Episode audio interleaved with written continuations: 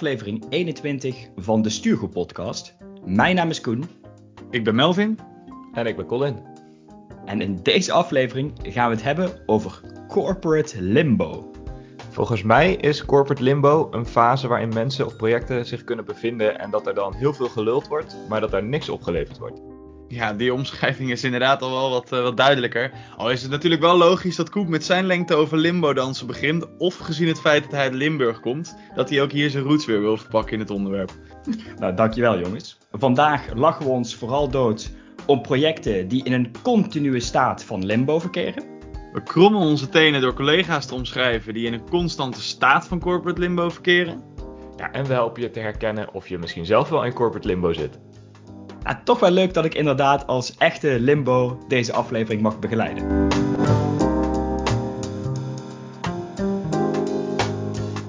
Een aflevering van de Stugel Podcast kan natuurlijk niet van start gaan zonder dat we het eerst even over onze financiën gehad hebben en daarmee dus over de kantoorjargon boetepot.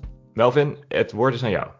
Ja, dankjewel Colin. Want voor de mensen die denken, wat is de kantoorjargon boetepot? We hebben die gasten het over.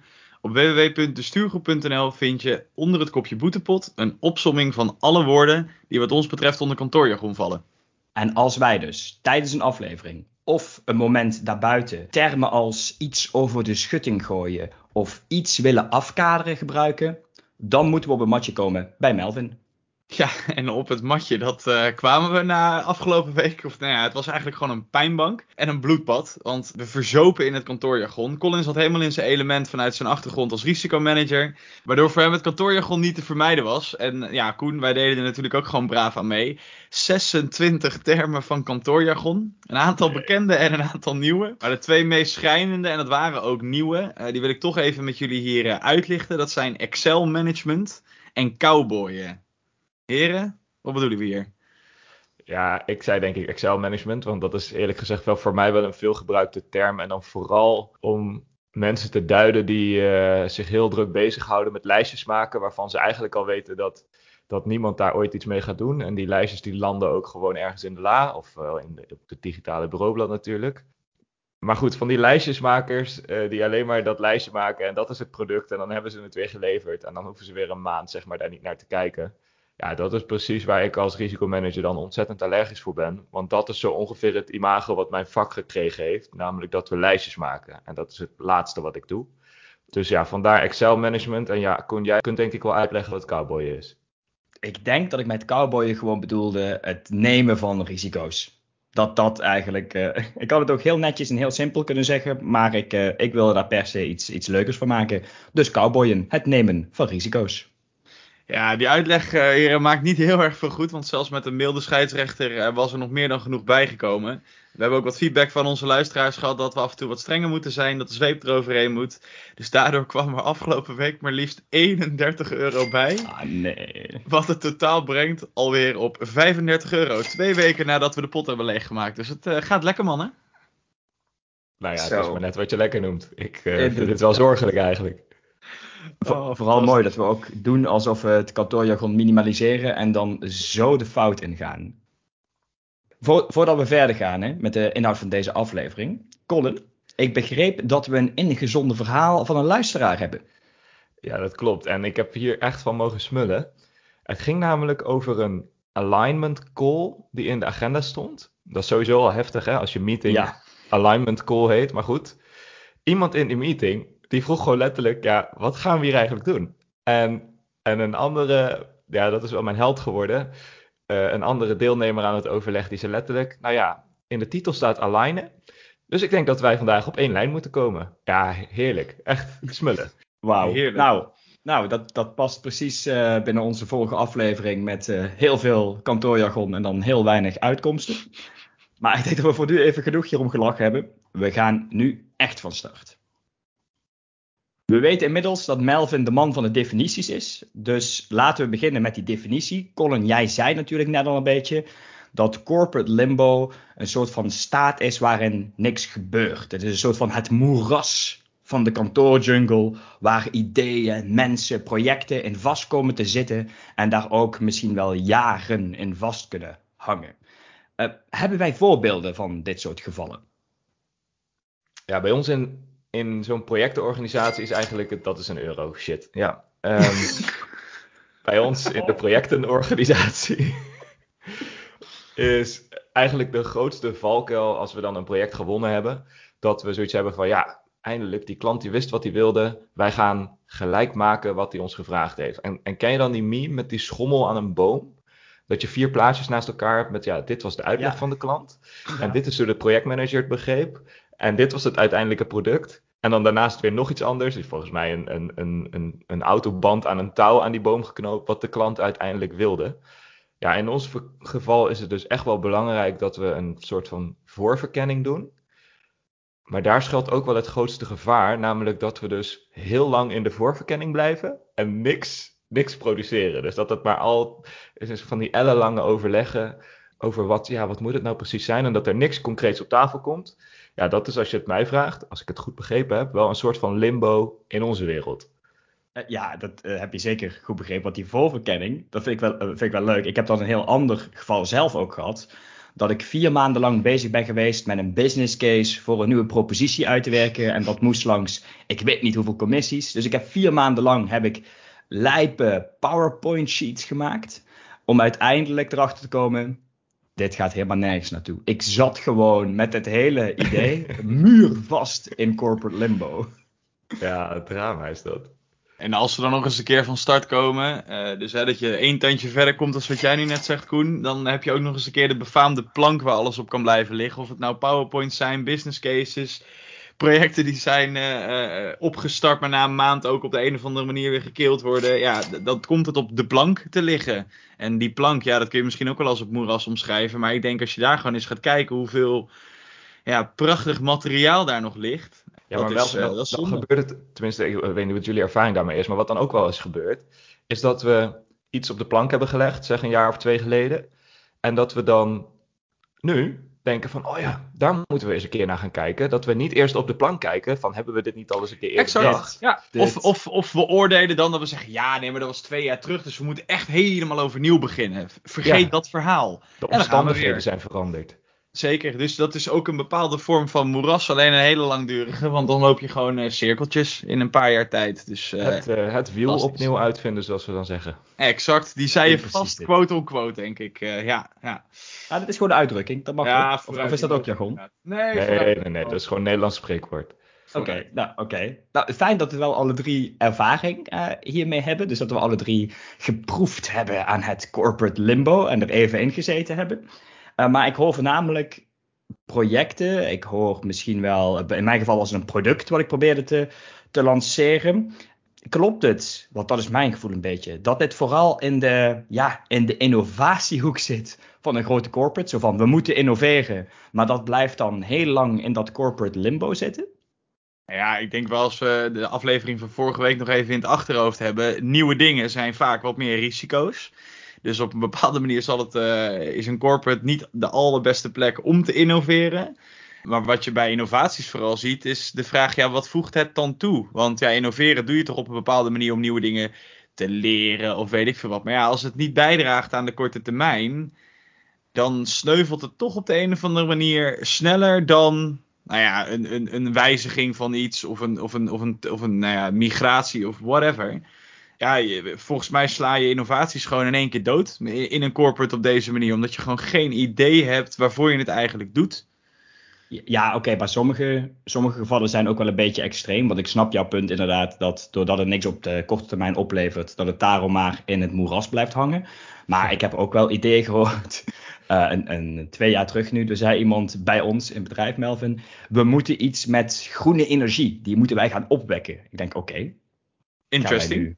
Gaan wij nu windmolens maken? Gaan mijn baan nu veranderen? Wat, eh, dus dat idee heeft ook even een, ja, ik denk een half jaar lang in een, eh, in een PowerPoint en in eh, verschillende, zoals wij nu zitten, in verschillende stuurgroepen heeft dat geleefd. Oh, heel goed. Alleen is toen ook helemaal eigenlijk, ja, in de rook opgegaan of op die befaamde plank gelegd. En wie weet wordt er over twee jaar weer naar gekeken. Dus sommige dingen zijn ook wel dusdanig, dusdanig, nou ja, hoe moet ik zeggen, ver van wat het bedrijf eigenlijk doet. Dat het ook echt, niet echt een kans van slagen heeft. Toch? Überhaupt dan niet, nee eens. Mooier vind ik als in de ene uithoek van het bedrijf iets verzonnen wordt, noem het de innovatieafdeling. Dus die houden zich de hele dag bezig met innovaties en dit is wat we moeten en ons bedrijf verder. En dat moet vervolgens in de andere uithoek van een organisatie, moet het gemaakt worden. En het, Ja, dat is het moment dat die combinatie. ja, maar dat die twee elkaar vinden, dat, dat gaat dan ook continu mis. Dat is wanneer iets dan in die corporate limbo komt. Want de ene partij zegt, ja, maar wij, wij hebben het verzonnen. Het is fucking vet. Moeten we doen. En de andere partij zegt, ja, ouwe, geen tijd voor, geen zin in, andere doelstellingen, weet ik veel wat. Er wordt van alles. Wie. Geen budget, is ook een goede. Geen budget voor. En dan blijft het maar ook in dat midden hangen. En dan soms wel jaren. Ja, ja. Eigenlijk heel erg, maar... Ja, Melvin, jij begon met dat een, dat een corporate niet per se eh, de plek is om te innoveren. Bij ons hebben ze daar iets op bedacht. We hebben nu een innovatielab. En daar kan je dan een idee aanmelden. Maar daar gaat dan een jury van allemaal senior managers en een paar lui vanuit het Digital Transformatieprogramma. Ja, die was quote-unquote. Maar die gaan daar dan naar kijken en die gaan dan zeggen van ja, nee, dit zou wel eens iets kunnen worden. En dan krijg je een coach aangewezen. Er wordt een budget vrijgemaakt, want dan, eh, ja, dan gaan we er echt iets van maken. Maar dan raad je het al, dat, dat ene idee, dat moet dan in ieder stadium weer langs diezelfde jury. En die jury die is natuurlijk hartstikke wispelturig. Het is maar net welke kant de wind op staat, een beetje zo. En die ideeën die blijven dan anderhalf, een jaar of twee soms wel in zo'n coachingstraject hangen. En dan is echt elk druppeltje energie en motivatie uit het lijf van de initiator gezogen. Ja, dat zijn echt niet de perfecte omstandigheden voor innovatie. Maar als ik, Koen, als ik jou zo hoor, een hele afdeling die dan weer dat idee aan een andere afdeling moet verkopen. En eh, niemand zou toch eens bedenken om een paar van innovators en een paar van die mensen uit dat team bij elkaar te zetten en dan samen iets te maken. Nee, nee. Je moet het dan aan elkaar verkopen. Ja, maar Ja, dat, dat- die, dat helpt die ook weer niet. mensen, die moeten dus eerst, zoals wat jij ook omschrijft, aan die jury eerst een keer of twaalf verkopen. En daarna pas, als het dan is goedgekeurd, dan moeten ze nog een keer aan die andere afdeling inderdaad verkopen van, oké, nu moeten we ook echt wat gaan doen. Nu moeten we het gaan bouwen. Ja, en voor de Oh. luisteraars, dit verzinnen we allemaal niet. Dit is echt gewoon dagelijkse gang van zaken.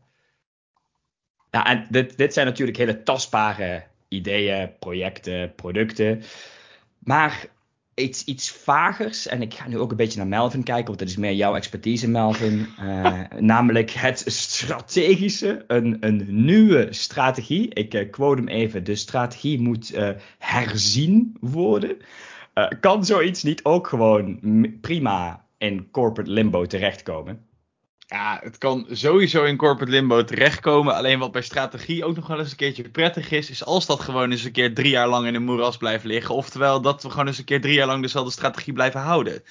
Eh, ik denk dat dat voor corporate wereld ook nog wel eens een kunst kan zijn om, nou ja, drie jaar achter elkaar hetzelfde verhaal te vertellen. Dezelfde doelstellingen met elkaar te hebben. Dus eh, persoonlijk zou ik het ook wel prettig vinden als strategie gewoon even net wat langer in dat moeras blijft liggen. Maar de discussies over strategie, ik denk dat dat eh, net zoveel powerpoints en dergelijke zijn als waar we al mee begonnen. Dus dat kan zeker weten in de limbo blijven zitten.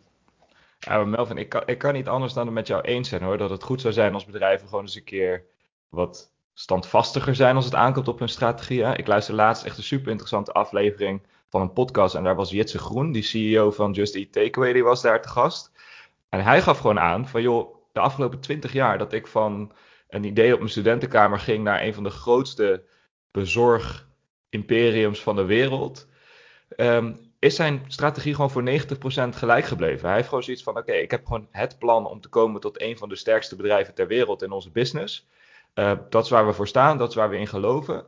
En ja, hij heeft het natuurlijk ook wel laten zien. Ik bedoel, hij, hij vertelde in die aflevering dat zijn bedrijf, zeker wel door een aantal overnames, maar gewoon in een jaar tijd zeven keer groter was geworden. Ja, dat is ongekend, maar al die tijd wel vastgehouden aan die principes die hij ooit eens een keer met zijn team op papier heeft geschreven. En natuurlijk is daar echt wel een beetje geëvalueerd. Maar als ik dan kijk naar gemiddelde corporate, iedere drie tot vijf jaar van focus veranderen, allerlei nieuwe kernwaarden en weet ik het allemaal. Ja, dat, is, ehm, dat, zet- dat zet mij dan wel aan het twijfelen, laat ik het zo zeggen. Ja, en die drie, die drie jaar, wat je aangeeft, die drie tot vijf jaar, dan zit het dus eventjes in dat moeras waar allemaal mensen maar proberen dit ja, verder te brengen als in op papier te krijgen en dat dit echt de nieuwe strategie van de organisatie wordt. En tegen de tijd, dat lijkt me dus het meest demotiverende, tegen de tijd dat je dus als persoon hieraan hebt gewerkt en je hebt die nieuwe strategie, dan krijg je inderdaad van het gros van de rest van de organisatie te horen, Wat? Nu alweer een nieuwe straat. Houd toch eens vast aan wat we al, wat we al hadden. Ja. Kom je net dat moeras uit, krijg je ook nog een keer op je donder. Ja, Ja, ja, ja, of de andere kant op. Hè? Dat, dat, eh, dat men zegt van ja, de strategie wijzigt wel, maar op, hier op de vloer verandert er niks. Ik blijf gewoon lekker met mijn kop in het zand doen wat ik altijd deed. Ja, dan, dan leeft het al helemaal niet meer. Ja, Colin, dat, dat voorbeeld wat je aanhaalde van Justy Takeaway is denk ik wel een, eh, is zeker wel een goede ook. Je hebt er natuurlijk ook een artikel over geschreven. Daarin staat best wel ook goed omschreven hoe eh eh, Jitse ja, de boel toch enigszins bijstuurde. Dus wat jij ook zegt, hè, evalueren.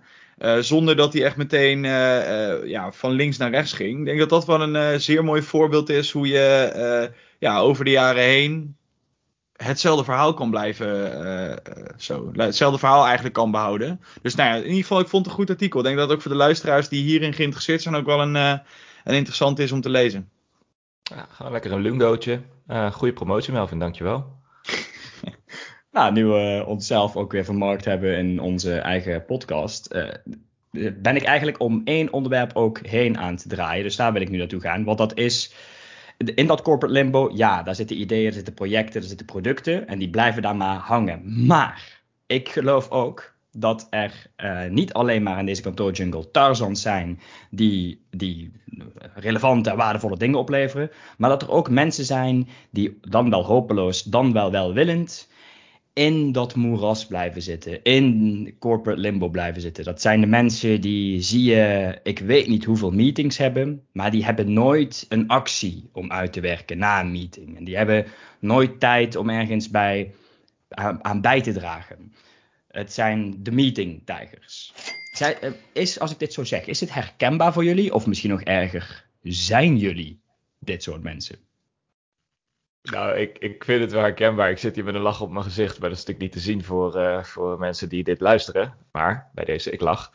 Ik vind het wel een lastige, want je hebt natuurlijk best wel veel collega's, met name dan meer in de senior lagen, die vooral bij projecten, tenminste dat zie ik bij ons, hè, laat, laat ik het op mezelf betrekken, die bij projecten worden aangehaakt om gewoon hun kennis, hun expertise, hun ervaring te delen. En daar kan dat lopende project dan weer mee verder, zodat ze iets moois kunnen maken voor de klant waar ze op dat moment voor werken. Dus ik zie dat bij ons echt wel gebeuren. Maar ik, ik heb ook in overleggen gezeten die alleen maar bestaan uit mensen die met die insteek in het overleg zitten. Bijvoorbeeld als het dan gaat over de strategie van het bedrijf of de afdeling of eh, in zo'n initiatiefase van een project dat we aan het verkennen zijn. En dan lullen we onszelf allemaal in de ronde. Maar wat je dan precies gedaan hebt, is dan volgens mij niks meer dan dat alignen waar ik mee begon in, eh, in dat voorbeeld. Eh, ja, als je elkaar een beetje wilt informeren, dan kan dat volgens mij ook via de mail. Nou, dat zijn denk ik wel eh, de meetings waar iemand aan de achteraf vraagt: hey, heeft iemand dit opgeschreven? wat we hier allemaal hebben gezegd? Oh, nee. Oeh, ja. Nou, ik probeer wel een samenvatting te maken. En dan krijg je van zo'n sessie van twee uur krijg je drie regels terug, wat dan ongeveer de kern was. Nou, en weg was dan je twee uur.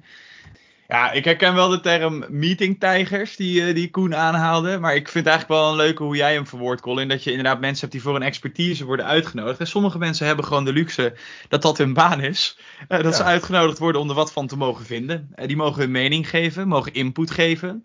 En dan daarna gaan ze naar de volgende sessie waar ze ook hun input geven. En uiteindelijk, ja, ik weet niet per se of dat met limbo te maken heeft. Maar het is ook wel een beetje de cultuur die je denk ik met elkaar in stand houdt. Want je hebt ook meetings voor die PowerPoints waar Koen het net over had. eh, die we allemaal toch maar weer moeten vullen. En als je dat in stand houdt met elkaar.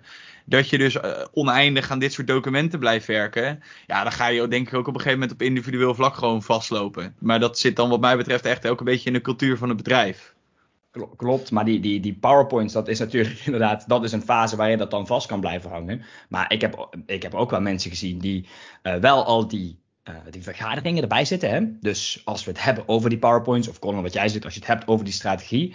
En als er dan iets uitgewerkt moet worden, dat je dan zegt van, nou weet je wat, eh, ik, ik pak dat stuk op. En iemand anders zegt, oh ja, we moeten nog, weet ik veel wat, met die en die moeten we het hier nog over hebben, want daar mist nog een stukje. Noem het maar op. En dat er altijd ook iemand is die gewoon zijn kaken dan stijf op elkaar houdt.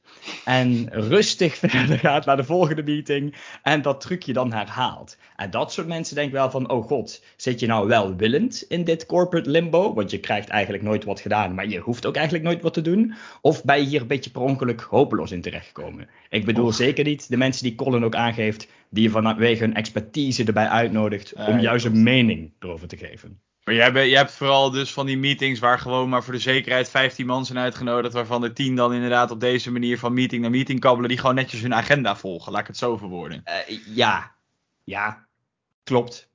Koen, ik denk dat deze mensen, zoals jij ze omschrijft, dat die er eh, meer dan genoeg zijn in corporate leven. Maar laten we ons ook vooral eh, laten tegenspreken door, door luisteraars. Ik ben heel benieuwd.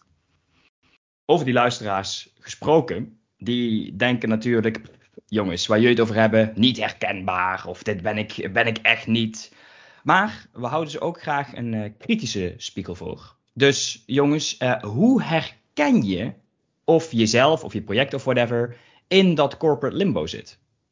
Ja, in een project merk je dat denk ik wel vrij makkelijk. Dat je continu een beetje om elkaar heen aan het draaien bent. En wat zo'n project dan nodig heeft, geloof ik, is iemand die dat gewoon concreet benoemt. Dat je met elkaar gewoon expliciet durft te maken, jongens, we zitten in dat moeras. En of je het een moeras noemt, dat moet je zelf weten. Maar we moeten of een aantal besluiten nemen, of er moet eh, iemand bijgehaald worden die ons verder kan helpen. Bijvoorbeeld zo'n senior, waar ik net eh, naar refereerde. Maar dat het in ieder geval niet verder kan op die manier. Dat het een beetje lijkt op zo'n middelbare schoolfeestje, weet je wel. Dat iemand, iedereen een beetje vaag om elkaar heen zit te schuifelen als er dan zo'n eh, zo'n liedje op, op- opkomt. Ja, daar wordt niemand vrolijk van, maar iedereen merkt het. Dus dat kost te veel energie. Mijn tip zou echt zijn, maak het gewoon expliciet, maak het bespreekbaar. Want ik denk dat niemand ervan geniet om in dat moeras te blijven zitten. Zeker niet. Nee, en ik denk dat dat je ook bij jezelf kun je het ook wel herkennen als je gewoon even terugblikt op, ik veel, de laatste drie of zes maanden. Kijk gewoon eens wat je hebt gedaan. Gewoon, wat- heb ik opgeleverd of wat heb ik, nou ja, misschien niet bijgedragen, is een heel flauwe term. Maar laten we het gewoon hebben over opleveren of dingen die je hebt uitgewerkt. En ga eens kijken wat daarmee is gedaan. En kijk daarna ook eens een keer naar je agenda van de laatste weken. Welke meetings heb ik met soort van toegevoegde waarde, quote unquote, eh, eh, gezeten. Want als dat allemaal vies tegenvalt, dan kan ik je wel vertellen dat je ook aardig in die corporate limbo zit. Ja, en dat, eh, Melvin, wat jij nou aangeeft, ik heb nou beide kanten dus gezien. Dus ik heb een product proberen te lanceren wat terugblikkend erop vier maanden lang in een PowerPoint-fase zat en langs allemaal verschillende commissies, eh, langs die jury, wat die Colin noemde, daar ik weet niet hoe vaak langs moest. En toen uiteindelijk maar gekeken en gezegd, oh mijn god, ik zit zelf in corporate limbo, ik kap hiermee. En aan de andere kant heb ik het ook gehad dat we ook in diezelfde PowerPoint-fase even hebben gezeten. Maar dat na twee maanden er daadwerkelijk iets opgeleverd werd. Als in een stukje code. Dat, ja, maar dan weet je dus, de- de- voor mij is het nu heel duidelijk om te herkennen. Zit jij langer dan, noem het even, twee maanden te PowerPointen, te Worden, te Excellen, iets in, van de Microsoft applicaties, dan weet je, ah, dit gaat misschien niet de goede kant op. Eh, en dat is dan meteen ook een, eh, een teken voor jezelf om dan wel, Colin, wat jij zegt, het te benoemen. Ja. Of dan wel verder te gaan en zeggen van jongens, volgens mij eh, moet ik naar iets anders, want ik, ik zit vast in het moeras en help, ik ga er niet uitkomen.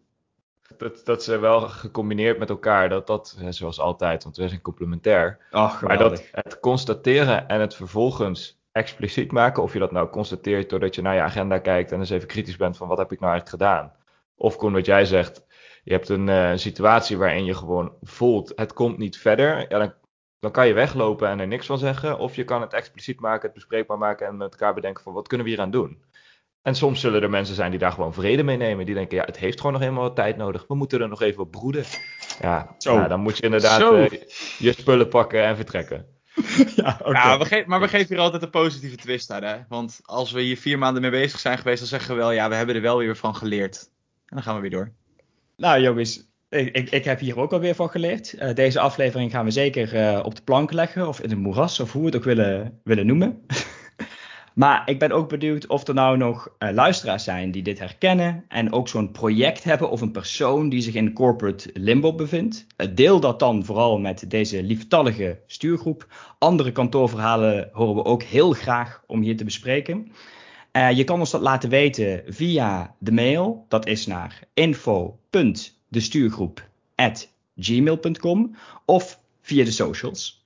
Volgende week zijn we weer terug en dan hebben we het over wat nou een jong professional in godesnaam nodig heeft van zijn manager om lekker te kunnen werken. Maar eerst gaan we naar de afsluiting van vandaag en die is voor Colin. Vond je dit een toffe aflevering? Vergeet de Stuurgroep Podcast dan niet te volgen op Spotify of Apple Podcast. En wat leuk is om te doen op Apple Podcast, laat een review achter of in ieder geval een rating. Naast de podcast plaatsen we natuurlijk regelmatig artikelen op onze website www.destuurgroep.nl en zijn we actief op de socials. Dat is heel simpel: de stuurgroep op Instagram en de stuurgroep op LinkedIn. Volg ons even, dan weet je precies waar de volgende aflevering van de podcast over gaat en wanneer een artikel online staat op onze website. Voor nu zou ik zeggen: bedankt voor het luisteren en tot volgende week.